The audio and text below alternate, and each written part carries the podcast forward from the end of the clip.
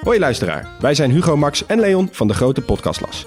Wij zijn drie geografen en elke week behandelen wij een ander land. We bespreken onder andere de geschiedenis, politiek, natuur, maar ook de sport, de muziek en natuurlijk het eten. De nijlpaarden van Pablo Escobar, de vele bunkers van Albanië en het verschil tussen een sheik en een emir zijn zomaar wat voorbeelden die langskomen. Maar we bespreken ook de geopolitieke invloed van China in Afrika en de impact van het Europese kolonialisme. Luister dus wekelijks naar de audioversie van de Atlas, de Grote Podcastlas. Dit is een serie over voeding en Ari's gasten vandaag zijn Marleen Dijkhoff en Sielke Sijbe van de Ayurveda podcast. Ze hebben een gloednieuw boek dat heet Alles over Ayurveda. En in deze aflevering leggen ze ook uit waarom deze eeuwenoude wijsheid vandaag de dag nog zo ontzettend relevant is.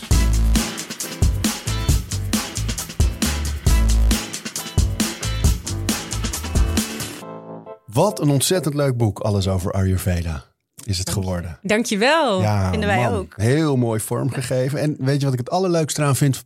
Vind ik, denk ik, dat het voor de leek is.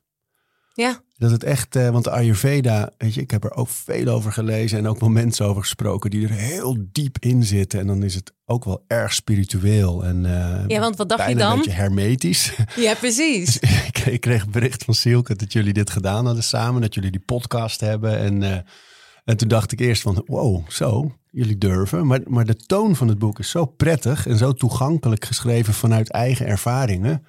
Dus het leek me leuk voor dit gesprek nu hier samen om eerst eens uit te leggen, wat is die Ayurveda nou precies? Hoe werkt het? Waar komt het vandaan? En, eh, en dan natuurlijk ook te horen wat jullie zo geraakt heeft erin, dat je er zo diep ingedoken bent. En daarna wat tips over eh, ja, hoe, hoe eet je dan volgens de Ayurveda? Wat moet je eten? Hoe moet je eten?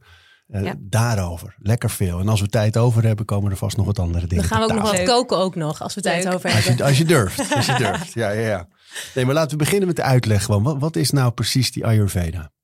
Ja, Marleen, jij zit er al langs in. Jij mag eh, steek van wal. Ayurveda, ja, het bestaat, het bestaat natuurlijk echt al heel lang, echt al duizenden jaren. Komt uit India en Ayurveda die, kijk, je kan een uitleg geven van een uur over Ayurveda. gaan we niet doen. Ayurveda die ehm, bestaat, die, bestaat eigenlijk, die zegt dat de mens bestaat uit drie soorten eh, types.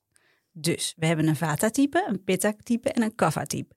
Maar elk mens heeft ook alle drie die eh, body-mind-typen, zo noemen we dat, heeft die ook in zich. Dus stel jij hebt bijvoorbeeld een, eh, je bent vooral pitta, heb je ook vata en kapha. Alleen bij iedereen is die verhouding anders. Dus dat is eigenlijk hoe jij geboren wordt, dat is jouw blauwdruk. Van het moment dat jij geboren wordt, eigenlijk al toen je gemaakt werd, vanaf het moment van de conceptie, is er een blauwdruk van jou. En als jij leeft volgens die blauwdruk, dan blijf jij gezond. Maar wat gebeurt er? Heel veel mensen die gaan precies de dingen doen die niet goed voor ze zijn. En of dat nou met voeding te maken heeft, kan met leefstijl. Kan Met echt gewoon de wereld waarin je leeft. eh, Prikkels. En dan ga je steeds verder af van jouw, ja, jouw blauwdruk. En, die blauwdruk, die Pitta, die Kapha en die Vata. Wat, Ja. wat zijn dat precies? Zegt dat iets? Is dat vergelijkbaar met, met sterrenbeelden bijvoorbeeld? nee, wel, wel, wel een leuke vergelijking. Maar een, een pitta is bijvoorbeeld een, ehm, ja, een, een, een type kan je zien aan het uiterlijk en aan het karakter. Dus dat, zeg maar, dat komt samen in, in, die body, in dat body-mind type.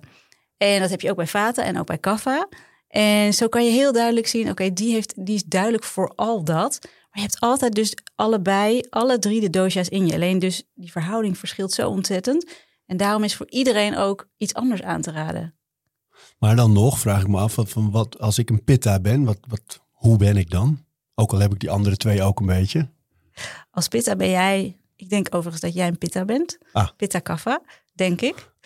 Pitta's zijn heel erg ehm, zelfverzekerd. Dat zijn die mensen die binnenkomen en die hebben gelijk een soort van... Hallo, weet je wel, die, je wordt gelijk gezien. Die hebben natuurlijk leiderschap, die hebben een onwijze drive. ehm, die kunnen echt, en dit zijn dan talenten, hè? de talenten van een pitta. Die zijn heel erg geordend, die houden van structuur. Ehm, even de belangrijkste dingen. Dus bijvoorbeeld Sielke heeft er apps op kleur staan. Dat is zeg ja, maar dat echt is een gewoon heel pitta fijn. Dat is heel overzichtelijk. Dat, ja, dat is zeg maar een pitta, dat is een pitta type. Maar dat is als je in balans bent. Maar als je uit balans bent, kun je ook weer voor, die, voor dat body-mind type zeggen wat er gebeurt. Nou, wat gebeurt er bij een pitta type uit balans? Die wordt snel geïrriteerd, ongeduldig, boos, krijgt last van ontstekingen. Ehm Ja, de kans op een een burn-out. burn-out ligt heel erg op de loer Ja. bij een pitta. Dus even in een, in een notendop dit. hoe, je dat, hoe dat dan zit. Je hebt talenten van de dosha en ommeland. En het is natuurlijk ook dat, kijk, Ayurveda is al meer dan hè, 5000 jaar oud, komt ehm, eh, uit India. eh, en het is iets wat vooral hè, je, je voeding en je leefstijl eh, omvat. Dus eh, niet alleen de body-mind types, maar ook dus hè, de, de voeding en de leefstijl die je hebt. Hoe laat sta je op? Hoe laat ga je weer naar bed? Welke routines houd je aan? Dus het is echt allesomvattend wat dat betreft. Klopt het een beetje wat wat, ik zei betekent het trouwens? Nou, ja, het is altijd lastig van jezelf te zeggen. Hè? Of je zelfverzekerd bent bijvoorbeeld. Dat- Ja. Maar eh, ik, da- daarom vind ik het misschien leuk, dus los van het antwoord of het klopt of niet. Daarom vind ik het leuk dat je altijd een beetje van alle drie. Want een Zeker. zelfver, ik voel me over het algemeen best zelfverzekerd. En, eh, en, en overmoedig. maar net zo goed heb ik periodes dat ik me dat helemaal niet voel. En dat ik Klopt. twijfel en somber en eh, ehm, aarzel. Klopt. Dus dat vind ik mooi eraan, dat je dus alle drie die dingen in je hebt. Je bent misschien vooral één, maar absoluut ook een beetje van al dat andere. Dat Ja. is wel goed eraan. Nou ja, en wat dus daar het fijne van is, als je een beetje weet welk type dat je bent, dus hè, zeg maar je blauwdruktype, maar ook wat jouw onbalans is op dat moment, dan kun je dus heel specifiek en heel persoonlijk gaan kijken naar wat jij dan nodig hebt. Dus het is heel logisch dat jij andere voeding of andere routines nodig hebt, omdat jij een bepaald type bent, dan jouw buurvrouw. Of dan hè, eh, eh, jouw nichtje, of dan eh, wie dan ook. Want we zijn allemaal anders. Dat zie je qua uiterlijk, dat zie je qua karakter, hoe de manier van bewegen. Weet je, dus dat vind ik zo interessant in Ayurveda, dat het dus persoonlijk is. Ja, heel erg op maat. ja En, Maar wat betekent het? de, de kennis van het leven is dus, dat is, ja, je zou ook zeggen ook wel de wetenschap. Eh, maar het is meer, ja, eigenlijk meer het inzicht vind ik meer Ja. van het leven. Ja, fantastisch hè? Ja, dus Ja, het is wel echt ja. allesomvattend. En, en hoe komt het nou, want wij kennen elkaar alle drie al, eh, al best lang eigenlijk. Kennen we. We hebben Ja. wel eens we go way back. Ja, echt wel 2006 of zo. Ja, vijf echt lang geleden. Zeven. Ehm, eh, dat was bij, toen werkten jullie bij BNN en ik bij de EO. En toen gingen we samen een programma maken. Wat heel erg leuk was. maar Hot. Nu allemaal terzijde geschoven, want nu gaat het even om jullie. Ik kende jullie als eh, vrouwen die in die mediawereld carrière aan het maken Mhm. waren. Aan het bouwen, aan het maken, aan het gaan. Op een gegeven moment kwamen er gezinnen en andere dingen. Het, het leven zoals het leven voortgaat voor, voor Mhm. veel mensen. Eh, en- nu ineens vol in die Ayurveda met een hele leuke podcast en een prachtig boek helemaal erin. Wat is er in jullie leven gebeurd om die beslissing te nemen? Ja, dat zijn. Dat is denk ik een aaneenschakeling aan dingen die er, die er gebeurden. Toen wij samenwerkten, ging, overleed mijn vader en, en hij had zelfmoord gepleegd. Dus voor mij was dat een soort cue van. En nu ga je gelukkig zijn voor twee, je gaat leven voor twee. Dus ik ging heel hard leven, echt. En dat was op een manier die gewoon niet goed voor me was. En wat gebeurt er dan? Dat krijg je gewoon terug. Dat krijg je op je bordje, hoe dan ook. Dus ik merkte op een gegeven moment dat ik, ja, ik sliep slecht. Alles, alles ging eigenlijk gewoon ja, ik, ik deed het wel, maar ik vond het gewoon niet, niet, ik voelde me gewoon niet lekker. En toen, dat heb ik heel lang volgehouden, echt heel lang. Jaren heb ik dat volgehouden. En toen kwam er een eh, eh, kwam er gezin en dan kwam, toen kwam corona. En tijdens corona, toen dacht ik ineens, dit, dit, dit voelt gewoon zo gek dat ik afhankelijk ben van werk. En ik doe dat werk zo met mijn hoofd. Terwijl ik voor mijn gevoel zoveel meer in me heb dan dat rationele. En ik, ik eigenlijk doe ik niks met de dingen die ik heel leuk vind. Dus ik ga nu gewoon vanaf nu besluiten, ik ga dingen doen die ik leuk vind. En dan ga ik daar vanuit verder kijken wat ik ga doen. Gewoon hier, ik had mezelf echt duizend euro gegeven. Ga maar cursus zoeken, doe ze maar. En dat potje, dat was nou nog maar net aangebroken. En toen deed ik een cursus Ayurveda in je dagelijks leven. En dat vond ik zo leuk. Echt, ik wist gewoon gelijk na het weekend, dit wil ik studeren. Maar wel gewoon voor de lol. Het moest een leuk dingetje blijven, weet je. Want ik ben ook iemand van het moeten en het, het gaan. Maar dit mocht ik echt doen voor de leuk. Oké, nou, na drie maanden, je raadt het al. Ik vond het zo fantastisch. Mijn slaapprobleem was opgelost. Mijn cyclus was weer helemaal terug. Ik voelde me beter dan ooit. En toen dacht ik, ja, dit moeten meer mensen weten. En toen En- en klopte hielp ik bij? Silke aan. Doe het ook met, eh, met, met nog verwerking van, van rouw bijvoorbeeld, zoals wat je vertelde? Zeker, ja. En vooral de herkenning dat je, hoe jij, hoe ik als type omga met slechte dingen, weet je wel. Ik was altijd, als er iets slechts gebeurde, ging ik nog harder. Als er iets tegen zat, dan ging ik liever uit, weet je wel, dan dat ik op de bank ging zitten en na ging denken. Dus heel erg dat wegstoppen. En daar kwam ik wel heel erg achter. En daar kan je daar ook wel beter mee omgaan. Ja, Mooi. zeker. Ja. Mooi. En dan nog, hè, de keuze voor die, die cursus. Van al die cursussen die er zijn. Waarom koos je hiervoor? Weet je dat ik dat gewoon echt niet weet? Echt niet. Het is gewoon, ik deed het gewoon. Ik deed, misschien omdat ik er een keer niet over nadacht en gewoon dacht, ik doe het, punt. Leuk, goed ja, hè? leuk hè? En toen kwam ik bij Sielke. Ja, Marleen die kwam toen op verlaten kraambezoek. Ik denk toen was hij al een jaartje of één of zo, denk ik. Hey, COVID, COVID. Ja. En, eh, en, en toen kwam ze binnen. En nou ja, normaal gesproken gaat het dan hè, over hè, je kind, de bevalling, noem maar op. Maar wij waren echt binnen tien minuten of zo, ging het over Ayurveda. En toen zei Marleen tegen mij van, jij hebt er toch ook al ooit iets mee gedaan? En toen zei ik, ja dat klopt. Ik heb in 2016 een yogaopleiding gedaan in India. En toen was Ayurveda ook een onderdeel daarvan. En we aten daar ook echt anders. En toen weet ik nog wel dat ik op het einde van die maand dat ik dacht, oké, ik voel me echt beter dan ooit. Ik zat zo goed in mijn vel, weet je wel, gewoon lichamelijk en ook mentaal. Maar dan kom je toch terug in Nederland en voordat ik het wist was alles alweer een beetje zo verslonst en nam ik dat niet mee. Maar toen dacht ik wel meteen, ja, ik weet dat ik me nog heel goed voelde toen ik op een andere manier at, andere dingen at. En we heel vroeg opstond. Daar stond ik ook iedere ochtend om half vijf op daar, weet je. En dat, en toen was het wel dat Marleen zei: Ik weet zeker dat je dit. Zij is echt zo'n lopend reclamebord voor Ayurveda. Ik weet zeker dat dit echt. Dit moet je echt doen. Dus echt iets voor jou. Ja, toen was ik al heel snel overtuigd. En toen ben ik ook die cursus gaan volgen. En nu volg ik ook een, een opleiding tot Ayurvedisch therapeut. En ja, merk ik ook heel erg verschil. En denk ik ook heel erg van: Oké, weet je, we hebben allebei een beetje de kennis van de media, omdat dat onze achtergrond is. Laten we die dingen gewoon mooi combineren, die twee liefdes van ons, de media en Ayurveda. En dan maken we een mooie podcast. En een boek. nu een mooi boek. En een community, weet je wel. Dus eh, ja, we hebben dat gewoon gecombineerd. En daar zitten we ook een beetje in het veld van als we dan nog hebben over de vraag wat is het precies. Hè? Ehm, we weten wat het voor jullie persoonlijk dan betekende. Maar ehm, eh, je hebt het nu over anders eten, anders slapen. Zijn er nog andere elementen waar we die we even moeten aanstippen om echt goed duidelijk te weten wat het nou precies is? Die Ayur- Ayurvedisch leven, Nou, leven eh, volgens de Ayurveda. Ik denk vooral dat het ehm, eigenlijk het voorkomen is van genezing. Zeg maar dat je dus eigenlijk al zorgt dat je gezond bent. En dat medicijn echt een, eh, of eh, dat voeding echt een medicijn kan zijn. Weet je, dus dat je niet medicijn hoeft te slikken omdat je je niet goed voelt, maar dat je dus zorgt dat je voeding jouw eh, beste medicijn is. En dat je heel bewust bent van de signalen van je lichaam. Dat je gewoon echt gaat weten, oké, zo ben ik en dit heeft dit effect op mij. En daarom maak ik nu deze keus. Want wat je vertelde over die menstruatiecyclus, Ja. hè, dat hoor je heel veel. Hè? Heel Deze veel. gejaagde levens op shuffle, veel Ja. stress, gek slapen, gek eten. Ja, ehm, eh, prestatiedrang, noem het allemaal maar op. Verstoorde cycli, niemand snapt het meer. Maand dokters zeggen en dan- ja, letterlijk, hoort er gewoon bij hoor. We hebben echt zoveel vrouwen die dat hebben. Tegen mij gezegd. Wauw. Ja. Maar eh, hoe werkt dat dan? Van, eh, als je dat eens als voorbeeld uit, af kan pellen eigenlijk. Je bent, ehm, je, je hebt natuurlijk in je lichaam allemaal systemen. En die horen gewoon goed te werken als jij goed voor jezelf zorgt.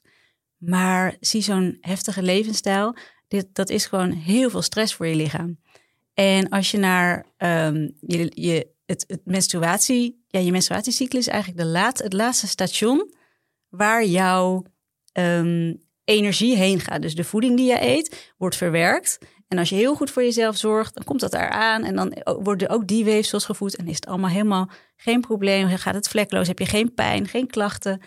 Als jij slecht voor jezelf zorgt, is dat het eerste station wat eigenlijk overgeslagen wordt.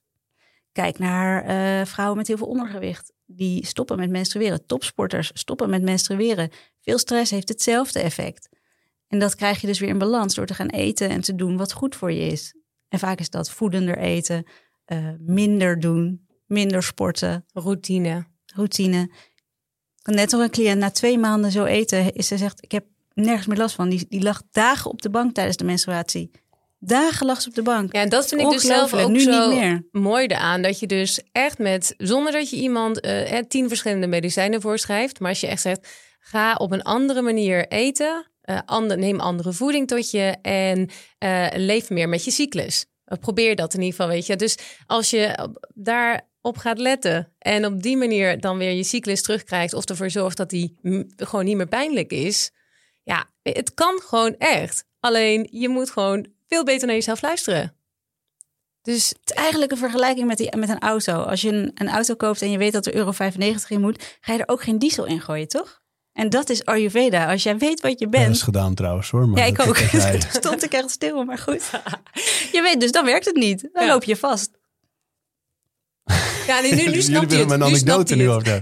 Nee, nee, nee, nee. Jullie we zitten met een man aan tafel. Laten we over auto's beginnen. nee, maar ik snap de vergelijking. Ja, inderdaad. Dus dan weten we wat het is, wat het behelst. Hè? En dat slapen. Mhm. Voordat we echt over de voeding gaan praten. Wat moet je eten? Hoe moet je eten? Ja, Over die slaapcyclus. Ja, Ja. slaapcyclus is eigenlijk ook al. eh wij roepen wel eens van: oh, ik ben echt een avondmens. Maar niemand is een avondmens. Wat er eigenlijk gebeurt, je kan ook, eh, net als dat je de, de types, de mens kan een beetje kan indelen in die types, de vata, pitta, kaffe types, zo heb je ook de tijden van de dag, die kun je daar ook in indelen. Steeds de blokken van vier uur. En wat er gebeurt, dat als jij bijvoorbeeld eh, na tien uur nog wakker bent, dan krijg je zo'n opleving. Dan heb je in één keer zoiets van, ach, ik ga even het hele huis even door, even schoonmaken. En dan denk je, oh, lekker, ik krijg allemaal werk gedaan. Maar dat is het moment dat je in bed zou moeten liggen om je emoties te verteren van de dag. Zodat je de volgende dag gewoon met soort schone lei weer door kan. En als jij dat die tijd gebruikt om je huis schoon te maken, dan is je eigen huisje niet schoon en opgeruimd. Nee, dan komen al die gedachten, die emoties Ja. die verwerkt moeten worden, komen op een later moment en Precies. verstoren Je het moet ritme. zorgen dat je eigenlijk voor tien uur slaapt, zodat je in die wat zwaardere kaffa-energie die voor tien uur heerst, dat je daarin in slaap dommelt, zodat je in die pitta-energie die dan komt, de dag kan verwerken. En zo is bijvoorbeeld het slaapprobleem van Marleen gewoon opgelost. Ja, en dat was niet zomaar een slaapprobleempje. Nee. hoor. Was, Nee? nee? ik had echt twintig jaar echt een slaapprobleem. Psychologen gehad, slaappillen, zelfs een soort antidepressiva daarvoor. En dat vond ik vreselijk. Dat wou ik helemaal niet. Dus dat dacht, dat, daar, daar wilde ik echt mee stoppen. En alles hielp tijdelijk. En zodra er dan weer iets gebeurde, sliep ik weer slecht en kwam ik weer in die cirkel. En toen met Ayurveda zeggen ze voor tien uur slapen. Toen dacht ik, ja dag, dat kan toch niet. Ik ga echt niet voor tien uur slapen. Mijn psycholoog zegt dat ik juist laat moet slapen, omdat ik dan moe ben. Nou, ik deed het en eh Ja, en het vooral was heel belangrijk. echt bijna opgelost. voor zes uur je bed uit. Ja. Zodat je ook aan het eind van de dag, dan ben je voor tien uur echt wel moe. Als jij eh, voor zes uur je bed uit gaat. Maar dan ga je wel. eh, soms dan merk je het als je op vakantie gaat, dan moet je vroeg opstaan. Dan heb, zit je in zo'n lekkere vibe. Weet je wel? Nou, dat hebben wij iedere ochtend. Ja, fantastisch. En Ja. weet je, hier raak je ook iets wat ik het mooie vind aan Ayurveda. Van, eh, eh, je weet dat het al duizenden jaren oud is, dat er heel veel wijsheden in zitten. En hier in de westerse wereld was de wetenschap altijd vrij argwanend. Want het zit een beetje in een spiritueel hoekje. Ja. Eh, het komt uit India en dat weet je wel. Hmm. Dus de wetenschap was altijd argwanend. En inmiddels is al die wetenschap, er zoveel onderzoek gedaan. Keer op keer wordt bewezen dat wat ze al duizenden jaren daar weten, dat dat nu ook wetenschappelijk onderbouwd is. Want waar je het nu bijvoorbeeld over hebt, het is dus gewoon het circadiaanse ritme. Precies. Het ja. dag-nachtritme. Ga naar bed als het donker wordt, Ja. sta op als het licht wordt. En, en weet dat die nacht uit cycli bestaat. En, en- dus nu is het allemaal ook nog wetenschappelijk onderbouwd. En met voeding eigenlijk precies hetzelfde. In, in Nederland noemt vaak die ortomoleculaire school, die hier heel erg aan raakt ook wel. Maar dat er gewoon nagedacht wordt over wat heeft een lichaam nodig. Eh, wat moet je misschien beter niet te veel doen. Ja, al die dingen worden nu ineens bewezen. Dus dat is wind in de zeilen van die hele, hele Ayurvedische Nou ja, school. En ik Mooi denk dat, dus, hè? wat Ja. Ayurveda dan nog extra toebrengt, of, eh, is, of inbrengt, is gewoon wat heb jij nodig? Ja, Dus dat het ook nog gewoon per persoon verschillend is. Ik denk Ja. dat dat vind ik het allermooiste daaraan. Maar laten we het daarover gaan hebben. Want jullie hebben in dat boek ontzettend veel. De termen worden uitgelegd. Eh, op al die vlakken waar we het nu al een beetje over hadden, eh, wordt, wordt duiding, worden eigen ervaringen gedeeld en uitleg gegeven. En er staat ergens in het boek staat ineens een heel lekker stukje van eh, wat moet je precies eten en hoe moet je precies eten. En dan volgen er bladzijden vol tips. Smullen voor een podcast over voeding natuurlijk. Maar laten, we, laten we beginnen met, waar willen jullie mee beginnen? Hoe je moet eten of wat je moet eten. Ehm, nou, ik denk... eh, Ja, hoe je moet eten. Want in Ayurveda ja. zeggen ze dat je beter heel mindful en relaxed een maaltijd van de McDonald's kan eten. Dan een supergezonde Ayurvedische maaltijd vol stress achter je laptop. Van, met boosheid, weet je wel, met allemaal gedoe. Dan verteert hij veel slechter. Dus laten we maar beginnen met hoe je moet eten. Doen we. Ja. Ja, wat ik vooral, ehm, wat ik zelf een hele fijne vind, is dat je je grootste maaltijd, en dat deed dus mijn opa en oma deed dat vroeger al, eet je grootste maaltijd als lunch. En waarom? Omdat jouw spijsverteringsvuurtje, zoals ze dat in Ayurveda noemen, jouw acne, dat brandt dan het sterkst. Dus dan kun je gewoon het meeste voedsel eigenlijk kan jouw lichaam goed verwerken. Ehm, en dat merk je denk ik ook wel als jij s'avonds laat nog een dikke vette lasagne gaat eten. En je ploft daarna met je, je knoop open op de bank. Ja, weet je, reken maar eh, dat jouw lijf s'nachts niet jouw emoties gaat verteren, maar nog heel erg bezig is met die dikke vette lasagne. Dus ga overdag die grootste maaltijd eten. Dan heb je nog genoeg tijd om dat te verwerken. Daarna loop je nog even een, een lekker rondje om dat ook extra, hè, dat vuurtje aan te wakkeren.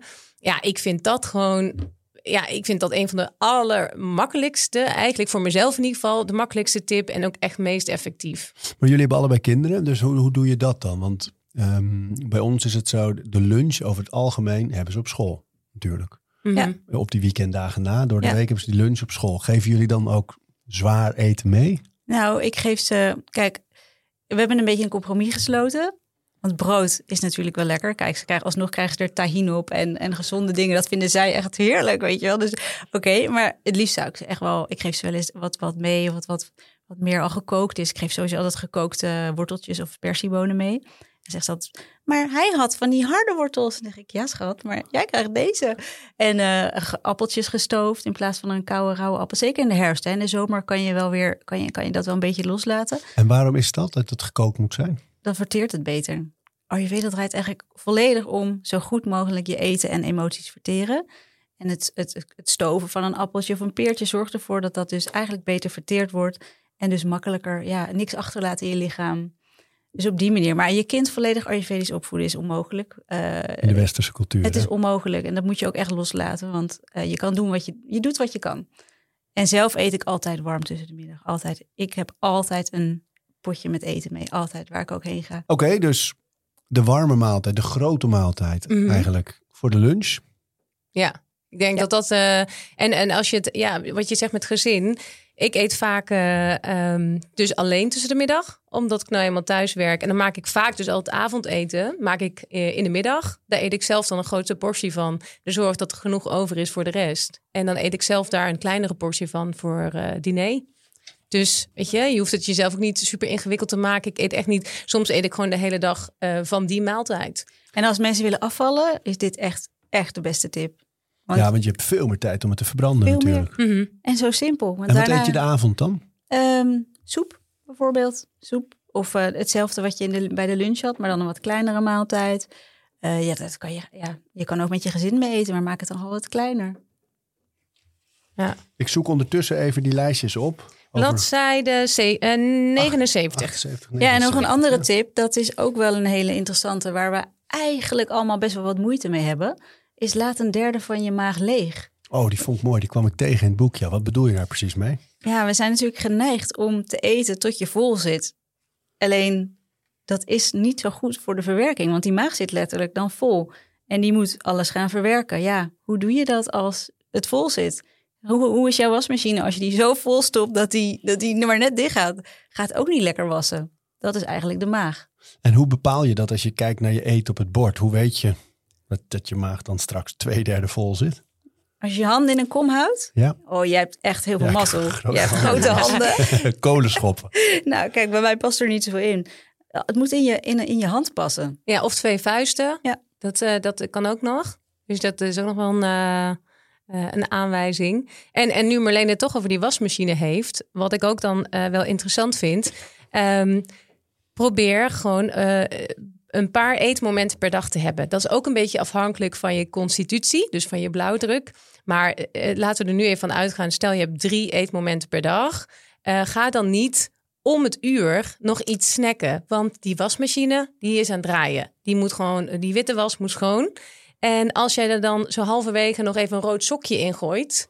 Ja, dan gaat die natuurlijk nooit schoon worden. Dus je moet echt je, je darmen de tijd geven, je lijf de tijd geven om alles te verteren. En dus echt daar drie tot vier uur tussen de maaltijden tussen te laten. Omdat je anders echt het verteringsproces verstoort. Mooi hoor. Ja, ik Het denk klinkt echt, zo logisch. Nee, maar die is echt zo relevant nu. Want ik denk de, twee van de grootste verschillen met hoe we, zeg ik dan toch even, nu eten en, en, en, en ooit. Is toch dat, dat we en veel meer bewerkt voedsel eten. Maar waar je het nu over hebt, dat je zoveel eetmomenten per dag. Hè, mensen eten lopend op straat. Ja, Nou, dat, als je daarover nadenkt wat daar met eigenlijk telefoon gebeurt, in de hand. telefoon in de hand, tien keer per dag, snacks tussendoor. Dat- is zo ontspoord. Want zelfs, ik bedoel, ik ben nu 48. Zelfs toen ik klein was, was het drie maaltijden. En dan op zaterdag weer was er een bak chips. Ja, Weet je wel, een keer ergens tussendoor. Verder was er niks tussendoor. ja. En dan kan je nog zoveel brood of koolhydraten, waar nu iedereen een beetje bang voor is geworden, eten. Want, want je verbrandt het wel, want het zijn maar drie momenten. precies. Maar al die momenten tussendoor, joh. Dus daar gaat het ook tegen in. Dat is ook nog eens heel Ja. goed. Ja, Ja. laat ook echt die drie uur tussen de maaltijden, drie tot vier uur. Dat is echt heel belangrijk, dat het, dat het verteerd kan worden. En dat eet zonder afleiding. Hebben we het dan over telefoon en dat soort ja, dingen? dat is wat ik net zei met die McDonald's maaltijd. Dus dat je, als je gewoon heel bewust je eten eet. Het begint al met het feit dat je eigenlijk begint al met koken. Het begint al met het bedenken wat je gaat eten. Je gaat het maken. Je, ehm, je, je ziet het, je ruikt het, je proeft het. Al je zintuigen worden geprikkeld. Dan wordt het al verteerd. Dan ga je het eten. En dan als je dat op een goede manier doet, wat overigens heel moeilijk is en waar ik mezelf heel vaak nog schuldig aan maak dat ik het niet goed doe. Wij niet, zitten we door te werken terwijl we het aan het, aan- Ja. het eten zijn. Dan zeggen we, oh, dit moeten we niet doen, maar dan moet er iets af. En dan weten we ook gewoon, het is stom. Maar proberen wel echt de tijd voor te nemen. Maar hier, Want dit, wat- dit is precies de reden dat ik dacht, het is heel leuk als juist jullie komen. Omdat je maakt iets wat voor sommige mensen een beetje hermetisch, een beetje afgesloten toch is. Een soort bastion van dat moet op een bepaalde Ja. manier maken jullie heel leuk toegankelijk. Ehm, juist met dit soort voorbeelden, dat het dus ook niet zwart-wit is. Van natuurlijk, in deze wereld heb je ook wel eens je laptop ernaast staan. Ik heb net nog eh, in de auto mijn bakje lunch, warme lunch, dat dan weer wel. Maar dat ik dacht, ja, ik weet gewoon niet waar ik de tijd vandaan moet halen. Ik moest mijn zoontje nog wegbrengen naar Zwolle. En toen dacht ik, ja, ik moet gewoon nu eten. Dan maar gewoon rijdend in de auto. En dan, ik weet, het echt niet de beste manier. Maar probeer het dan toch heel bewust toch even te ervaren. Wat heb ik in mijn mond? Wat proef ik? Het is lekker warm. Eh, ik heb het eh, vers gemaakt. Dus dan eh, beperk ik de schade een beetje. Ja, ja, ja. ja. Maar ik, ja, met dat eten zonder afleiding. Ik denk ook, hoe misschien ongezellig dat het klinkt. ehm, ik probeer ook gewoon te, vaak dat ik mijn kindje al eerder te eten geef.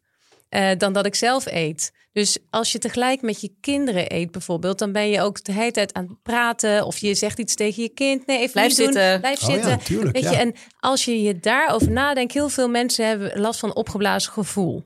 Eh, opgeblazen buik. Heel veel vrouwen hebben daar last van.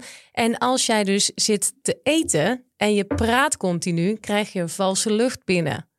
Ja, reken maar van yes dat jij een opgeblazen buik krijgt. Omdat je niet alleen eten binnenkrijgt, maar ook heel veel eh, eh, valse lucht.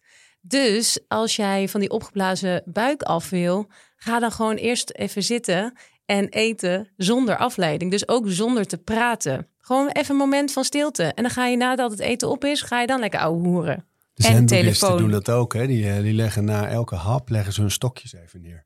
Dus die nemen een, een Ja. hap met die Oh ja. stokjes uit hun bol. En dan stokjes neerleggen, kauwen. Het liefst ook zwijgend in een groep. Ja, Dat is best wel bijzonder hoor. Ja, maar het is heel. toch wel zo dat als jij zit te eten met je kids, hoe bewust ben jij dan bezig met het Ja. eten wat je net zelf hebt gemaakt? Je bent Ja. alleen maar afgeleid omdat je je kind al wil voeden of dat, je, hè, dat er iets op de grond valt of je moet naar de keuken, want er, is iets ge, hè, er moet iets schoon worden gemaakt.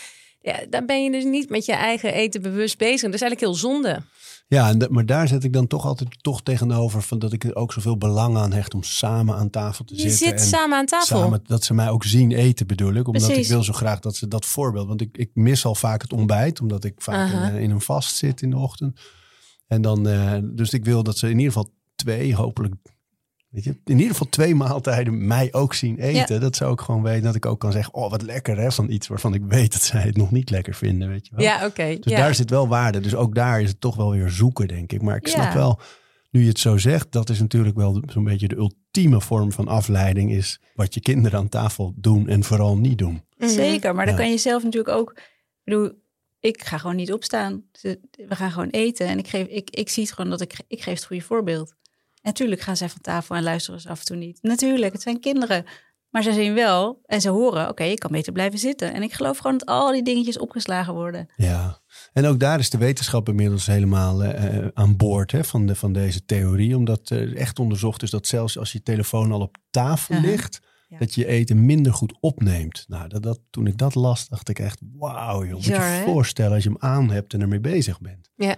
Ja, en Ja. toch doen heel veel mensen dat. is echt gewoon zo zonde. Ook vooral voor alle moeite die je misschien zelf of iemand anders net heeft gedaan in de keuken. En eh, ik trouwens ook daar begint trouwens ook al. Weet je wel, hoe je moet eten is eigenlijk ook hoe moet je koken. Ja, Want het is natuurlijk ook echt zo, als jij gewoon met volle liefde en passie die maaltijd bereidt, ja, dan smaakt die toch lekkerder dan dat jij de boel maar een beetje in elkaar flanst terwijl je je telefoontje in je hand hebt en afgeleid bent door weet ik het wat. Dus eigenlijk begint het natuurlijk, nou, het begint dan met inkopen doen, maar goed, daarna ook natuurlijk het koken. Weet je, is natuurlijk joh. ook heel belangrijk. en dat ook, ook weer biologisch. Want het is echt als je met, met dat ritueel daarvoor al bezig bent, eh, dat je de enzymen al klaar maakt. Eigenlijk, je maakt je hele lijf al klaar voor. Er gaat iets komen en dat moet zo gegeten worden. Mhm. En het, het wekt al van alles op eigenlijk. Hè? Het Ja, interessant, zelf. toch? Ja, fantastisch. Ja, en ook wat wij in eigenlijk, daar hadden we het net over met dat snacken tussendoor. Ja. Wanneer eten wij nog als we echt trek hebben? Hoe, Ja. hoe vaak gebeurt dat? Ik, ik merk zo vaak op consult dat mensen echt geen idee hebben eigenlijk wanneer ze moeten eten. Ze eten omdat er nou eenmaal tijd is om te ontbijten. Om te lunchen, om te snacken, omdat er taart is. Omdat, weet je wel? Maar daarover, want het gaat over het intuïtief eten. Hè? Dus dat je voelt, oké, ik heb Ja. trek, dus ik ga eten. Ja. Is dat iets wat je kunt trainen? Ja. Ja, zodra jij denkt dat je trek hebt, drink je een glas warm water. Wacht je even tien minuutjes, heb je daarna echt nog trek, dan heb je echt de trek. Want heel vaak is het gewoon een, oeh, misschien heb ik trek, ik eet wat. Maar als je dus dat glas water neemt, dan kan je dat op die manier, kan je dat gewoon heel goed, heel goed Test. checken bij jezelf. Toets. En je zal merken, wij hebben net een eh, detox gedaan met een hele groep mensen. Eh, dan ga je meer eet je eh, drie keer per dag kitchery. Dat is een gerecht van rijst, mungbonen, groenten en kruiden. Super lekker. Je hebt totaal geen honger, dat hoeft niet. Maar je eet wel echt alleen als je trek hebt. En tijdens die detox krijgen we altijd van mensen te horen van... wow, ik heb voor het eerst gemerkt wat ik als hongersignaal heb. Ik ben het al mijn hele leven kwijt. En dat is zo tof. Van dat, dat, is, dat is Ayurveda. Die connectie met je lichaam van... oké, nu heb ik trek, nu ben ik moe, nu ben ik, weet je wel, noem het maar op. Ja, want mensen altijd zeggen, je moet goed naar je lichaam luisteren, maar bijna niemand weet meer hoe. Daar gaat dit over. Ja, Ja, en Ja. ook denk ik wat, wat ze zeggen van je moet eh, eh, eet om jezelf te voeden en niet om te vullen. Mooi. En dat vind ik een hele interessante. Dat je Ja. echt dan eigenlijk bij alles wat je in je mond stopt, dat je denkt, he- heeft mijn lijf dit echt nodig? Ga ik daar echt mijn voortplantingsorganen mee voeden? Of is het alleen maar omdat dat stukje taart er nou eenmaal staat en ik geen nee durf te zeggen tegen die collega die jarig is? Weet je wel, eh, gaat het echt iets voor je doen? Of- Nee, en veel mensen zullen zeggen, ja, maar ik vind dat gewoon echt ook heel lekker. Ja, dat snap ik wel. Maar het is natuurlijk, de vraag is, voedt het jou? Weet je, is het echt goed voor je? maar we hebben het niet alleen over slechte dingen. We hebben het ook over bakken met rauwkost, die ik altijd at. En altijd buikpijn had. Ja, maar ik eet toch gezond, dacht ik. Wat is hier nou verkeerd aan? Helemaal niet goed. Het Want? moet allemaal verteerd worden in je buik. Sowieso rauwkost, dat is, dat is niet heel fijn om te eten voor je lichaam. Het is rauw en koud en moeilijk te verteren. En als je dat dan gewoon, omdat je denkt het is gezond, gewoon als snack de hele tijd eet. Wat heel veel vrouwen doen. Dan krijg je die opgeblazen buik. Echt niet goed, ja. Dus dan kook je het een beetje en dan is het al beter. En heeft dat Ja. met meer dan alleen die warmte te maken? Je gebruikt ook kruiden. Kruiden zoals komijn, koriander, venkel, gember. Niet eens heel gek, toch? Heb je in je keukenkastje staan, gok ik. Ja. Ja, dat zijn kruiden die helpen om het te verteren. En nog een moeilijke asafoetida, dat is hingpoeder. Hoe, hoe Dat, wat? Ja, asafoetida. Duivels, duivelsdrek wordt het Het- ook wel genoemd. Dat koop je I bij de it. toko. En dat is echt een hele... eh, Dat, als je dat, dat gebruikt, dan heb je veel minder last van een opgeblazen buik. Tof, hè? Dat zijn leuke tips. Arie, zet het even in de show notes. Zo ben je, dan weet je ook waar je het kunt kopen. Hebben wij die eigenlijk, Doris? Nee. hè? Maar we hebben geen show notes. notes. Oké. We zetten een link naar jullie podcast. Precies, Ja, verder maar. moeten we gewoon heel compleet zijn aan tafel, jongens. Duidelijk. Onze luisteraars, als ze uitgeluisterd zijn, willen ze klaar zijn ook. Eet rustig en kou goed, Ja. kwam ik tegen. Ja. Lijkt logisch, maar gebeurt zelden, hè? Je darmen hebben geen tanden. Nou, mag ik wat vertellen over Sielke? Toen we net begonnen met de podcast, dus toen zag ik Sielke eten. En ik dacht, ze was altijd zoveel sneller klaar dan ik. Toen dacht ik, eet ik nou zo langzaam? Of ben jij nou zo, eh, zo, zo snel? En toen hadden we het natuurlijk ook over dit soort dingen. En toen is ze zich er bewust van geworden. En ze eet nu zoveel langzamer. Dus het is echt een soort van Ja, in jouw systeem nu. ja toch? maar en ik heb dus ik heb zo lang last gehad van een opgeblazen buik. Zo lang. Ja, vind je het gek als je alles gewoon zo naar binnen schokt? Want Dus ik dat is het met de opgeblazen buik. dat Als je te snel eet en dat je eet, eet, eet dat niet gekookt is of verwarmd of kruiden heeft en zo. Dat, dat Ja, versterkt niet bij je ook. constitutie past ook. Bij, die, bij de Ja. body-mind type. Ja. Maar dat snelle eten wordt ook heel erg aangeleerd. Hè? Als je kijkt op school bijvoorbeeld, dat ze vaak een kwartiertje krijgen om die bakjes leeg te harken. Dat is echt, eh, dan krijg je eigenlijk al het signaal mee van jongens, het is niet heel belangrijk en het moet snel gebeuren. Maar hoe, Silke, als jij dat hebt aangepast, hoe doe je dat? Als je gewend bent zo snel te eten. Ja, ik denk dat bij mij was het ook omdat ik eh, mijn spijsverteringsvuur, die acne bij mij, die werkt best wel snel. Ik, ik heb gewoon eh, een hele snelle spijsvertering. Dus ik had ook altijd het idee van, oh, ik heb echt honger. Weet je wel, ik moet gewoon echt eten. Ehm, maar ik wist ook wel dat ik super vaak dus die buikpijn had. En toen ik dus me ging verdiepen in Ayurveda, waarin dus ook echt, ja, wat ik nu heel logisch vind, wordt gezegd van eet gewoon niet te rustig en ook niet te snel. Dus ik bedoel, je moet een goede middenweg in vinden. En dus heel bewust. En dat ik ook eigenlijk toen merkte van ik eet helemaal niet bewust. Weet je wel, ik, ik ben gewoon zoveel met andere dingen bezig tegelijkertijd. Dat toen ik dat alleen met dat ging aanpassen. En misschien ook wel een beetje met het tempo van Marleen mee. Omdat we elkaar op een gegeven moment heel vaak zagen. Dat ik al, ik had op een gegeven moment ook al door van, oh wacht, ik ben al gewoon een soort van bijna klaar. En zij is nog niet eens op de helft. Dus dat ik, maar ik heb dat dus als ik bij mijn ouders eet. Ik weet precies van wie ik het heb. Want mijn moeder heeft binnen één minuut haar bord leeg. En heb je dat ik nu gezegd ook? Dat ze dat moet aanpassen? Ben je daar al? Ben Nou, ze een heeft, wel, ze, heeft, op dit ze vlak? heeft wel het boek gelezen. Ik heb haar dat nog niet persoonlijk gezegd. Maar dat was op een gegeven moment deze, zo. mam. Ja, bij Bij deze. deze. ja, maar dat ik wel dacht, het is ook gewoon een gewoonte. Ja. die ik dus blijkbaar heb aangeleerd. Omdat je ziet van, oh wacht, ze is al klaar. Oh, ik moet ook klaar zijn of zo. Niet Ja. dat dat moest, maar gewoon dat Ja, je komt met je huishouden op één ritme. Daarom is dat voorbeeld geven natuurlijk ook wel van belang soms. Ik hoorde de laatste theorie dat iemand zei... je moet eigenlijk als je, als je eet uitblazen bij het eh, happen. Dus in plaats van altijd naar binnen te Ja, harken... hè, dus dat je de lucht naar binnen gaat en die hap tegelijk... dan eh, dat je veel minder eh, goed opneemt. Ook, Daar heb je die valse lucht happen. weer. Ja, Ja, ik denk dat dat inderdaad geen eh eh, nee, gekke maar je bent je helemaal is. niet van bewust natuurlijk. Dat je, Nee. ik zou niet weten als eigenlijk als ik een hap... Nee, maar ja, dat eh, is het hele principe. Je bent Ja. je er niet van bewust. Met te snel eten, te veel eten. En dat is wat Ayurveda natuurlijk echt zo duidelijk probeert te maken. Wees bewust van de dingen die je doet. Mag je eigenlijk drinken tijdens het eten in de Ayurveda? Nou, een klein beetje. Maar Sippen. ik weet niet, je ziet wel eens mensen die gewoon hele glazen cola of, of spa rood wegklokken. Liefst met ijsblokjes erin. Dat is echt, zeg maar, iets wat binnen Ayurveda een nou, no-go is. Echt Omdat het koud is? koud water, wat gebeurt er? Het dooft in één keer je spijsvertering. En wat wil je als je gaat eten? Dat je spijsvertering heel goed werkt. En koud water is gewoon in één keer bam. Alles moet gedaan worden om dat water op te warmen. Met ijsblokjes erin is een soort... Ja, dat, dat, dan heb je gewoon, kan je eigenlijk wel vergeten dat die maaltijd goed, goed verteerd gaat worden. Zo, dus ze zeggen al zo vaak over de Amerikaanse eetcultuur dat die Ja. niet best is. Maar dat drinken erbij. Met Liter al, met cola erbij. dat ijs erin. Ja. Het is funest. Ja, Want hoe werkt dat dan? Weten jullie dat? Hoe dat zit met, die, met kou en vertering? nou, je spijsverteringsvuur moet gewoon echt branden om, om, om te kunnen verteren. En op het moment dat jouw spijsvertering eigenlijk alleen maar bezig is met het verwarmen van hetgeen, die ijskoude plant die in die, in die buik komt, dan gaat alle energie daaraan op. En blijft er eigenlijk niks meer over voor de maaltijd. Dus, en ook als je veel drinkt bij je eten, wordt het allemaal verdund. Dus moet dat ook weer verteerd worden. En dat is, daardoor gaat het ook weer moeilijker. Dus het, eigenlijk kan je het beste ja, en dan kan je er ook niet slokjes. de, de goede eh, hè, vitamines en mineralen uithalen. Als het in één keer zo'n plens water bij dat eten wordt gekwakt en alles.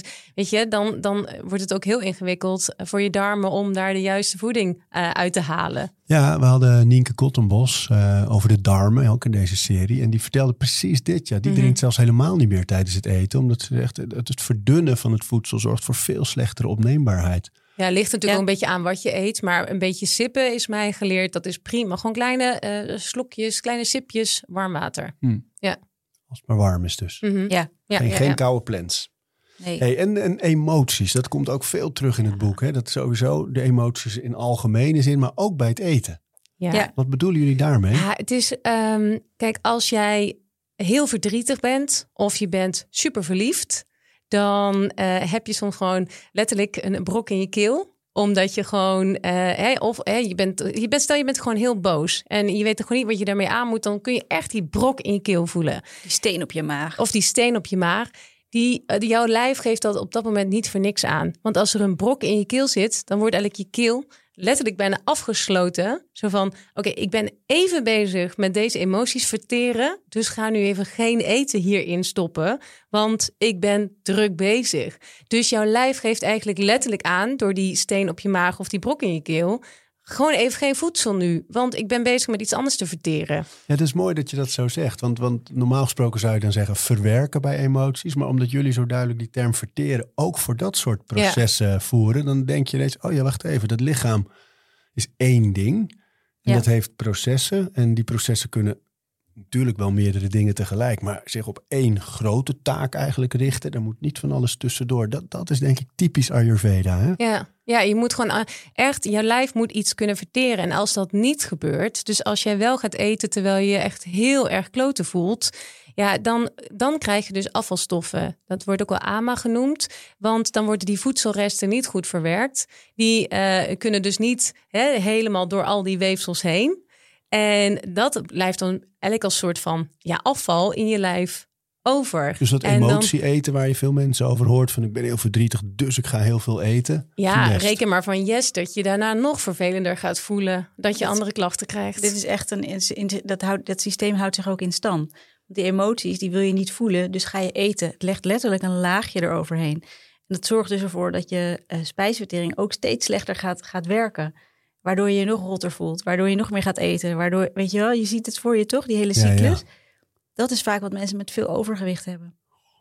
Dus als je grote emoties, of ze nou positief zijn of negatief, dat is niet het moment om je maaltijd te nemen. Zeker niet. Nee. Wat doe je dan? Stel je bent verdrietig, dat duurt soms dagen. Ja, tuurlijk. Je gaat niet dagen niet eten. Alhoewel dat ook bij mensen gebeurt. Hè?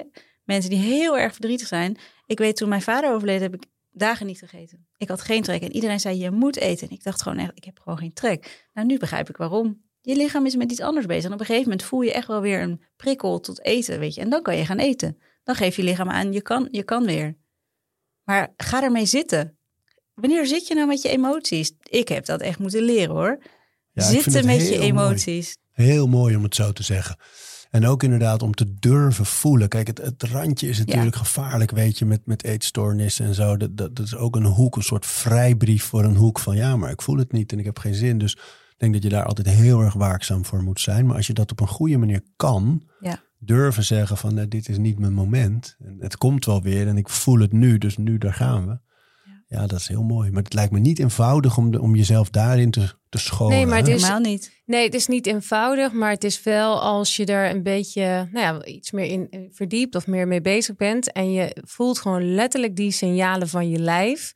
Dus ik was laatst ook heel verdrietig. En dan voelde ik echt gewoon letterlijk zo'n knoop in mijn maag. Ja, knoop in je maag. Dus er is geen plek. En dan weet ik ook van ja, ik, ik, ik heb nu ook dan helemaal geen trek. Maar al zou ik denken, ik wil toch chocola of zo. Nu weet ik gewoon heel erg van nee, ik moet gewoon nu niet eten. Ik ga even wandelen, ik moet even mijn, mijn hoofd hè, klaar of zo. Maar ja, dus al die uitdrukkingen, die zijn er ook dan weer. Dat vind ik dus heel grappig, dat die eigenlijk ook niet voor niets zijn. Als je daar gewoon even naar kijkt en naar luistert, denk je, oh ja, oh wacht, je moet gewoon ja. niet doen. En het feit dat je bewust wordt van, ik ga wel eten terwijl ik uh, uh, boos ben. Dat je ik krijg geheid buikpijn. Opgeblazen buik, buikpijn, maagpijn. Ik voel het gelijk. En dat heb ik natuurlijk heel vaak gedaan toen ik met Ayurveda begon. Gewoon wel gaan eten. Tuurlijk, weet je, ik, uh, ben, ik moest het ook leren. Maar dan kom je er dus achter, oh, dus dit effect heeft het op mij. En dan denk je, ja, ik ga wachten wel de volgende keer eventjes. En als je zo intuïtief daarmee bezig bent, hè, op gevoel bedoel ik dan met intuïtief. Ja. Um, is het dan zo dat je nog wel een beetje tijden aanhoudt voor je grote maaltijden? Zeker. Voor de maaltijden? Ja. ja, je wil je grootste maaltijd eigenlijk tussen 12 en 2 eten, want dan is die spijsvertering het sterkst. net als de zon. de lunchtijd. Ja, ja. Ja, je hoeft niet in één keer om 7 uur s ochtends om te lunchen. Ik voel het nu. Go! go, go. Uh, en je wilt je, groot, je avondmaaltijd eigenlijk voor 6 uur eten. 6 uur, half 7. Want daarna is je spijsvertering gewoon een stuk minder snel. Um, dus eigenlijk gewoon de, de, de Hollandse tijd is helemaal niet zo gek, toch? Fijn. Ook wel eens leuk om te horen over de Nederlandse keuken. Hè? Dat, ja. dat we toch iets goed doen. qua ritme. Hebben we het dan een beetje qua hoe je moet eten? Ja, ik denk het wel hoor. Ja, ja binnen ja. 24 uur stond er nog, omdat ik het zo spannend vond, eigenlijk ook wel, dat het echt benadrukt werd. Gooi je vriezer maar weg. Ja. Geen vries, geen, geen, dat. bevroren voedsel. Zo Ja. leren we dat. Maar dat kun je ook wel een klein beetje in, eh, in eh, westers perspectief zien. Want kijk, we gaan jou, eh, als jij je vriezer houdt en je stopt daar gezonde maaltijden in, is dat natuurlijk nog altijd gezonder dan wanneer jij eh, naar de snackbar gaat. Als je, omdat je geen alternatief hebt. Dus wat dat betreft zijn wij wel van het eh, aanraden van hou die vriezer. Maar weet, het is wel minder goed dan een verse maaltijd. Ja, ja, ja, dat was het. Ja, ja, ja. Ja, je hebt het gewoon. Stel, je hebt een, een hele fijne courgette, hè, vers van het land, liefst uit Nederland natuurlijk. Hè, niet een, nog een hele eh, vlucht gehad van weet ik het eh, waar vandaan. En die heeft gewoon de meeste voedingswaarde, de meeste prana, dat noemen ze ook wel eh, levensenergie. Leven, ja. dus dat heeft die. Pranayama heb je ook in yoga, hè? Ja, de ademhaling. Ja, Ja. precies. En als je dus die courgette gewoon dan meteen opeet, eh, dan krijg je daar dus de meeste energie van binnen. Maar als jij bedenkt van oké, ik wacht nog eventjes tot morgen of tot overmorgen en ik bewaar hem nog even in de koelkast. Ja, weet je, dan gaat dus wel de meeste energie verloren. Dus je kan natuurlijk dan misschien nog wel opeten, een dag of twee later. Maar er zit natuurlijk veel minder voedingswaarde in dan dat je hem vers had. En dus dan is het een beetje van, je kunt hem dan bewaren in de vriezer. Dan blijft het natuurlijk nog wel iets eh, behouden. Maar probeer eigenlijk binnen 24 uur gewoon je maaltijd op te eten. Is het binnen die theorie eigenlijk helemaal af te raden om bewerkt voedsel te eten als je echt Ayurvedisch Ja, wil leven? 100 procent. Ja, hè? Er zit niks meer in. Nee. Het is alleen maar ballast voor je lichaam. En natuurlijk doen wij dat ook wel eens, hè? Want we leven nou eenmaal in deze maatschappij. Maar je weet gewoon wat het met je lichaam doet. En hoe meer je dat weet en echt weet, want je hebt weten en weten, dan ga je dat vanzelf doen. Ja, interessant joh. Dus daar, ook daar weer. Ja, ik vind het zo leuk om steeds te merken dat de moderne wetenschappen en alle onderzoeken dit allemaal nu benadrukken. Al die dingen die al duizenden dit is al jaren zo gevoeld oud. en. Ja. En weet je wat, wat er man. leuk is van hoe Ayurveda daarop reageert? Die zijn dan niet van ha ha ha, maar die zeggen fijn hè, dat, dat zij dat nu ook zien. Ja. Dat vind ik zo Ja, mooi zo aan alle Ayurveda teachers die ik heb die dat zo zeggen. Ik heb hier toevallig dus die, ja, en dat zijn zeg maar de, de sutra's, de, de oude teksten die mijn lerares dan heeft vertaald. Dus echt van het Sanskriet naar het Engels. En dan, eh, eh, dus dan staat hier dus ook gewoon in hè, verkeerde voedselcombinaties. Die zij toen al wisten van je kunt beter niet eh, melk samen met vis eh, nemen of dit met dat. Weet je, omdat dat gewoon niet goed is voor je lijf. Dat staat gewoon letterlijk gewoon per eh, eh, eh, tip, zeg maar advies, staat het gewoon zo uitgeschreven. En het klopt gewoon. Het werkt gewoon. Dus dat is, ja, Leuk, ja, jullie zitten ook te glunderen. Ja. Dat je het ontdekt hebt. Heerlijk. hey, dat was hoe je het beste kunt Ja. eten in zeer grote lijnen. In het boek staat het nog veel uitgebreider allemaal omschreven. Maar nu wat je het beste kunt eten. En het begint dan meteen met de seizoenen. Ja. Ja, je kan zien in Ayurveda dat elk seizoen heeft een, ehm, of elke dosha, de Vata, Pitta, Kapha, die heeft, is gekoppeld aan een bepaald seizoen. Nou, we zitten nu in de herfst en dat is gekoppeld aan Vata. En dan heb je de, win, de einde van de eh, herfst, winter. Nee, sorry, ik moet het goed zeggen. De winter en eh, het begin van de lente is Kapha. En de lente. Gaat het lekker? En de lente, ja. ja. Dus zal ik even opnieuw beginnen? De herfst, dit is zeg maar vata. Herfst en winter. En dan krijg je einde van de winter en de lente is kapha. Zomer, pitta. Nou, wat je gaat doen in die seizoenen, dan ga je dus eigenlijk het, het dieet, al vind ik dat geen fijn woord, maar het, het, de voeding die we aanraden voor, voor vata, ga je ook in de herfst meer eten. Omdat anders vata plus vata is nog meer vata. En in Ayurveda zeggen we balanceer met, gelijkgest- gel- ge- balanceer met tegengestelde. Dus je hebt eh, vata is heel erg ehm, ruw, droog, eh, onregelmatig. Dus wat wil je er tegenover zetten? Je wilt echt het, het voedende, het grondende. Want vata is ook heel erg een beetje in de, in de, in de lucht, in de ruimte, weet je wel. Dat, dat, dat mensen die heel erg in hun hoofd leven. Een beetje zweverig. Dus die wil je in de herfst wil je allemaal omgekeerd gaan behandelen. Dus en als je daar dingen. aan, eh, aan, koppelt. Stoofpotjes met lekker curry, pompoen, gekookt in ghee. Dat is geklaarde boter die heel goed is voor je. Om, eh, ja, dat houdt je gegrond. Warme, ja, warme oliemassage, maar dat is dan niet eten. Maar Nee, maar warme er staan en meer van die dingen die raken eten. Dus jullie hebben het veel in het boek ook over de warme sesamolie. Ja. eh, niet te gebrande. Niet, te- niet te gebranden, want die stinkt een uur in de wind. Ja, heb ik wel eens gedaan. Ja. Dus eh, jezelf masseren, je huid Ja. masseren met, eh, met se- warme se- sesamolie. En Ja. eh, die ghee, waar je het net over had, die geklaarde boter. En waar je ook heerlijk in kan koken. Wij doen het thuis ook veel. Eh, die smeer je ook op je slapen voor, eh, voor de nachtrust. Hè? Ja, om tot rust te komen. Maar dat Ja. zijn dus allemaal ei- eigenlijk voedingsmiddelen die je daarvoor gebruikt. Ja, en wat ik, nou ja, wat ik dus denk ik daarin het meest interessant vind. Kijk, als je dus kijkt naar die seizoenen. Als je gewoon nu kijkt naar wat eh, Nederland. Als je dus, dan ga je ook echt kijken naar jouw eigen land, naar jouw eigen omgeving. Waar woon je? En wat er nu, zeg maar, uit de grond komt of op boven de grond groeit. Dat groeit daar nu niet voor niets. Dat is dus voeding die we nu nodig hebben.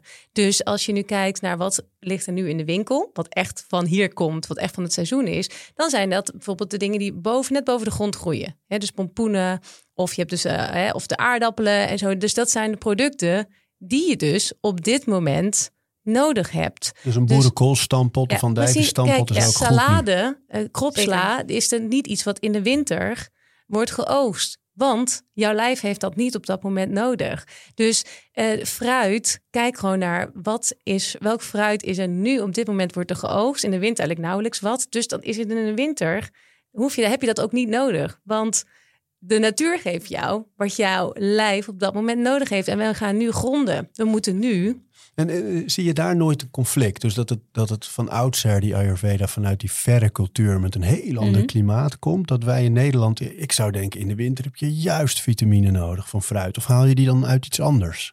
Nee, je, je eet dan dus juist de voedingsmiddelen die op dat moment eh, gegeven worden. En die zijn er dus niet voor niets. Kijk, als je het dan ook hebt over je kan wel eh, eh, een banaan laten invliegen. Maar ja, hoeveel levensenergie, hoeveel energie zit daar dan nog in? Weet je, dus dat is. Ja, ik heb geprobeerd dat gewoon wel echt om te denken. Dus als je echt met de seizoenen eet, dan krijg je in principe binnen wat op dat moment jouw lijf nodig heeft. En wat het kan verteren. Want Daar draait het dus weer om. Als jij allemaal dingen gaat eten voor, die eigenlijk voor de zomer bedoeld zijn. Of verkoelende dingen, heb je nu niet nodig. Want het is, wordt koud buiten. Je wilt verwarmende dingen doen. Maar vitamine dan bijvoorbeeld in de winter? Dus eh, hoe doen, doen jullie dat? Neem je dan supplementen? Of zijn er nog andere groenten en fruit waar het wel eh, in zit die je wel kan eten? Ja, appels, peren, Oh ja, tuurlijk. eh, gedroogd fruit. Dat is ook echt iets vanuit Ayurveda. Er zijn echt genoeg dingen die je wel kan eten en drinken hoor. Ja, het is niet zo dat je in de, in de winter op een hongerwinter gaat. Maar het zijn de, de dingen die, ja, de, de, de wat voedender, van, voedendere voedingsmiddelen die, die jou helpen om dat seizoen zo goed mogelijk door te komen. En hoe je dat weet is dus allereerst nadenken over wat groeit er nu. En dat kan je ook als je het Ja, googelt. we moeten dan gewoon even op. inderdaad. Ja. En natuurlijk ook kijken, dat, eh, dat hoorde ik laatst eh, in een podcast, dat vond ik super interessant. Als je nou kijkt wat er in de supermarkt in de aanbieding is, dan weet je dat dat volop verkrijgbaar is. Dus dat dat in het seizoen is. En ik check ook altijd wel even waar komt het vandaan. Maar als ik zie, oké, het is in de bonus en het komt uit Nederland, dan weet je dat dat van het seizoen is. Dus dat je dat... Want er is veel van. Ja, Precies. En dat is nog voordelig ook. Ja, Hebben jullie trouwens sowieso vaak getipt hè? om geld te besparen? Kun je dit doen, kun je dat doen? Zelf recepten maken. Dat is leuk. Ja. hey, de seizoenen hebben we gehad. First things first, wat bedoel je daarmee? ja, dat is eigenlijk bij het wakker worden. Dat, dat is gewoon zo belangrijk. Dat als jij eh, wakker wordt, eigenlijk ga je eerst je tong schrapen. Ehm, dus dat is gewoon dat je zeven keer eventjes met een... eh, ja, je kan het ook met een lepel doen. Hè? Je kan tongschrapers kopen, maar ik heb het jaren met een, gewoon een lepel gedaan. Schraap je een laagje eraf wat zich in de nacht heeft verzameld. Het heet AMA, dus eh, afvalstoffen noemen we dat ook wel. En daarna drink je een glas heet water. Liefst gekookt water, een beetje afgekoeld.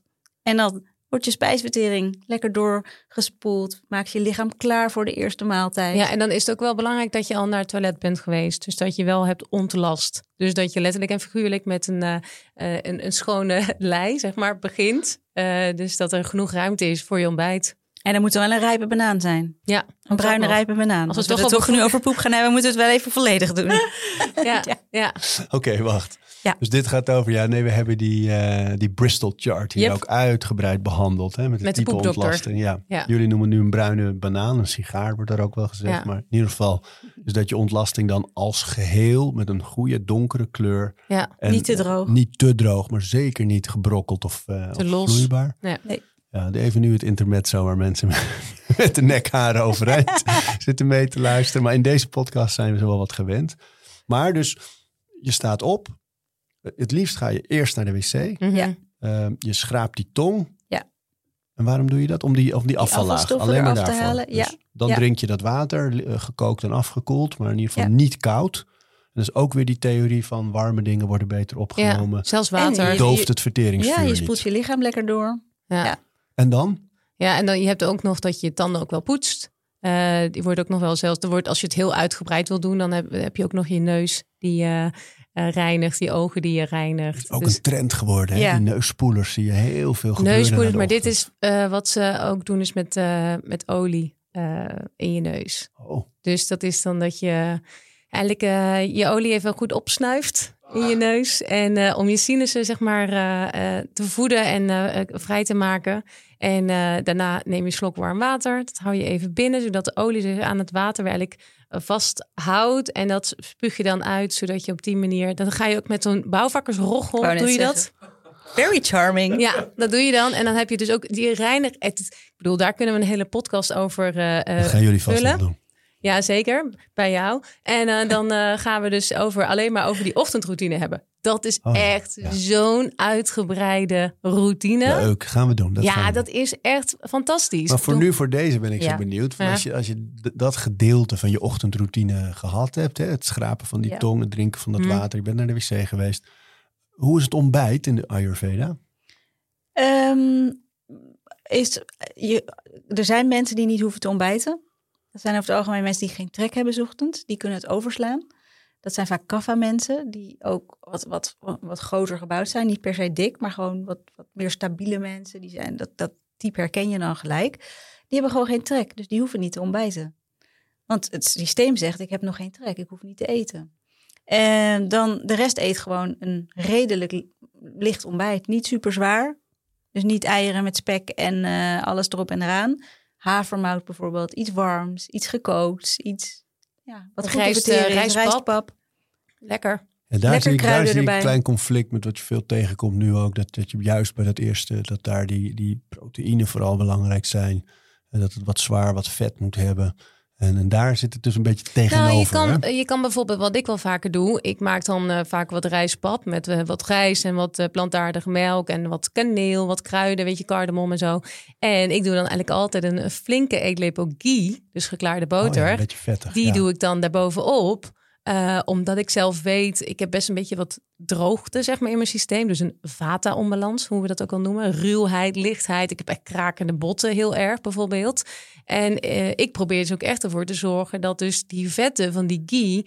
eh, zelfs bij mijn glas gekookt water in de ochtend doe ik als eerste een theelepeltje ghee erin. Om mezelf als eerste, eh, dat die weefsels als eerste dat vet krijgen. Mooi, want het is een mooi voorbeeld ook dat het dus inderdaad zo op maat is en per persoon een Ja, beetje verschilt maar, wat je echt eh, nodig Precies, hebt. ik weet dat, dat mijn vader bijvoorbeeld, die zou dat als niet eh, eh, moeten doen. Dat is voor hem niet. eh, die heeft denk ik een, een wat tragere spijsvertering. En die zou bijvoorbeeld zijn ontbijt gewoon kunnen overslaan. Toen je plantaardige melk zei, dacht ik ineens, is, is Ayurveda volledig plant-based? Nee. Totaal niet. Nee. nee. Helemaal niet. Maar het is meer dat ik dat, gebruik ik zelf, omdat ik ook weet dat als ik te veel eh, echt gewoon volle melk, wat ze dan ook wel aanraden, gewoon wel het liefst gewoon eh, rechtstreeks eh, van de koe, dat is voor mij gewoon wel te zwaar. En dat, dat wordt ook vaak eigenlijk gewoon bijna als een los product gezien, omdat dat best wel zwaar is om te verteren. Maar het is zeker niet een, ehm, een vegan keuken, zeg maar. Heel Dus de- voedend Bij melk. de Ayurveda is dan ook die voedende melk, dus het liefst ongepasteuriseerd. Ja. Ja. Ja. Ja, ja, Wel, ja. maar wel altijd gekookt met kruiden. Oh ja, Want het is heel zwaar verteerbaar. ja, ja. Dus maak het warm, voeg er kruiden aan toe. En dan wordt het goed verteerd. En neem het los van je maaltijd. En zijn dat weer diezelfde kruiden die jullie vaak eh, noemen, de komijn, de, zoals die andere koriander. venkel, koriander. Gember. Ja, al zou koriander niet per se bij melk zien, maar wel Nee, wat kaneel, wat, wat, wat kurkuma zou je erbij kunnen, wat gember. Je kan, ja, Cardamom. maak ja. het lekker. Leuk, want ik haal Ja. die, die ongepasteuriseerde melk bij, eh, bij wat onze goed. buren. En die is een kaasboerderij, maar die, daar kan je gewoon vanuit, echt rechtstreeks vanuit het vat, zeg maar, waar Ja, de- koeienmelk die ochtend Maar- nog is ingegaan. Dan, dan ga daar dan niet je muesli in, in gooien. Nee. Drink het dan wel eigenlijk eh, Met die liefst. kruiden ga ik Ja. doen, joh. Ja, Ja. Lekker. Drink het nu gewoon koud, maar na deze aflevering niet meer Nee, natuurlijk. je mag niks meer koud drinken hoor. Denk eraan. Nee, dat mag niet. zo. nou, het is trouwens ook nog over die, die melk gesproken. Als je bijvoorbeeld hele eh, last hebt van eh, eh, constipatie, dus je kan heel slecht naar het toilet, dan is ook bijvoorbeeld eh, in de avond een glas eh, warme melk met een eetlepeltje ghee of een theelepeltje ghee erin. Eh, dat kan ook echt ervoor zorgen dat de boel weer een beetje op gang komt. En eh, Dat, eh, ja, dat, dat het weer wat beter naar buiten kan. Maar dan wordt het ook echt gewoon los eh, gedronken. Zonder dat je er nog iets... eh, Heb je geen laxatiemiddelen voor nodig, Nee. geen rare medicijnen. Kan echt eh, je darmen zo erg helpen. Alleen fruit stond er Ja. ook tussen bij wat je kan eten. Ja, ja fruit ehm, wil je eigenlijk gewoon los van elke maaltijd eten. Ehm, tenzij het voor mee verwarmt in bijvoorbeeld je havermout of in een cake of zo, dan kan het wel, want dan is het al mee verteerd met de rest. Dan is het makkelijker te verteren. Maar fruit heeft een hele korte verwerkingstijd in je lichaam. Dus stel jij gaat nu een eh, lekker biefstukje eten. Nou, lekker, maar stel je eet een biefstukje. En vervolgens ga jij nog, denk jij, eh, wat heel veel mensen doen na de lunch. Even een appeltje, even een sinaasappeltje. Dan is, wordt dat helemaal niet goed verwerkt. Want dat fruit wil eigenlijk na een uur al uit je maaltijd. En een nou ja, vlees doet er soms wel vier uur over. En dan gaat het gisten. En dan gaat het rotten. En dan krijg je afvalstoffen. En uit afvalstoffen komen eigenlijk alle ziektes ongeveer, zegt Ayurveda. Nou, ik, Dus vond dat, ik vind dat dus ook eh, zelf, als je dat dus weet en je gaat erop letten. Als je dus, ik had dat toevallig gisteren, heb ik gewoon te kort op een andere maaltijd toch fruit genomen. Ik lag meteen op de bank met een opgeblazen buik. Omdat dus gewoon, het fruit moest gewoon letterlijk wachten bij de poort totdat het erdoor kon. En dan gaat het gewoon, ja, dan gaat het gewoon lopen bitchen. En dan, eh, en dan krijg je dus gewoon, je moet het dus echt los, of je moet helemaal niks, maar je kunt het best echt los eten van de rest. Dus ik heb gewoon nu, bijvoorbeeld met mijn kindje, heb ik dan om vier uur, of drie uur, vier uur ongeveer, ja, meestal iets, iets eerder, dan heb ik een, een fruitmoment. Omdat dat dus dan na de lunch is, een paar uur ertussen. En eh ja, dus toch vaak even wat, wat trek of zo, weet je wel. En dan eh, pak ik gewoon echt los dat fruitmoment. En als je het wel direct na een maaltijd zou willen eten, kan je het dus beter verwarmen. Nou, Ja. niet doen. Gewoon niet Gewoon na niet een doen. maaltijd eten. Nee. Maar wel, inderdaad, als je het doet, doe het dan verwarmd. Ja, hè? vind het wel een goeie. Die- zes smaken nog even. Ja, Want er zijn zes smaken binnen die Ayurveda die steeds genoemd worden. Hè? Welke zes zijn dat? Ja, zout, eh, eh, zoet, zuur, zout, bitter, scherp en wrang. Ah, en waarom zijn die zes belangrijk? Of bestaat daar gewoon alles uit? elke smaak heeft een andere, andere functie in het spijsverteringskanaal. Dat is heel interessant. Daar kan je ook een hele, hele uitzending aan In de wijden. laatste minuten van deze uitzending snij ik het onderwerp aan waar jullie het langst over kunnen praten. Nee, maar als je gewoon weet, elke smaak heeft zijn eigen functie in het spijsverteringskanaal. Dan is het heel duidelijk dat je elke smaak eigenlijk moet eten.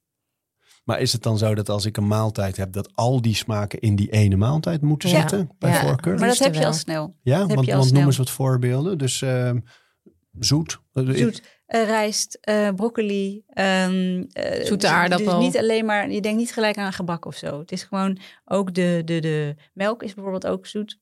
Pompoen. En de maaltijd moet vooral daar, weet je, het is heel fijn als de basis van de maaltijd daaruit bestaat. En scherp, daar voeg je gewoon toe. Dat zijn de kruiden misschien. De, Ja. Gember, eh, Gember. peper. eh, ja, eigenlijk, het volgens mij is het zelfs van knoflook. uit. 80, 90 procent van je maaltijd bestaat eigenlijk uit zoet. Dus als in, hè, dus de, de rijst en eh, de aardappelen, de pompoen, noem maar op.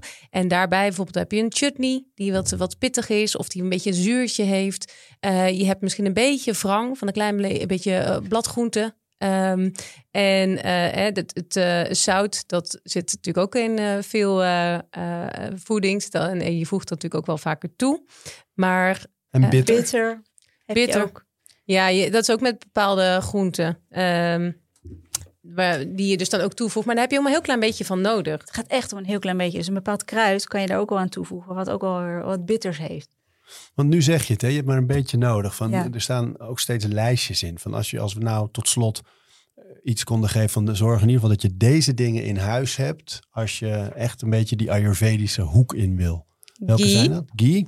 Ja, ghee is inderdaad wel een hele fijne. Dus om zo bijvoorbeeld bij- door je melk een klein beetje te doen. Als je last hebt van eh, constipatie of slapeloze nachten. is ook heel fijn om eh, toch dat bekertje melk voor het slapen gaan. Eh, Sesamolie. Om- ja, ongebrande sesamolie. Ja, kan je mee insmeren, maar kan je ook mee eh, koken. Kan je eigenlijk alles mee doen. Witte basmati rijst. Kruiden, komijn, koriander, venkel. Asafoetida. Ik herhaal hem nog een keer. Ja, daar is de hinkpoeder. Koop je bij de toko. Groenten van het seizoen. Liefst van de lokale teler. Lukt me ook niet altijd, maar gewoon hè, het liefst van het seizoen. Eh, biologisch. Ehm, en dan heb je natuurlijk eh Himalaya zout. strooien we graag mee. Met een korreltje.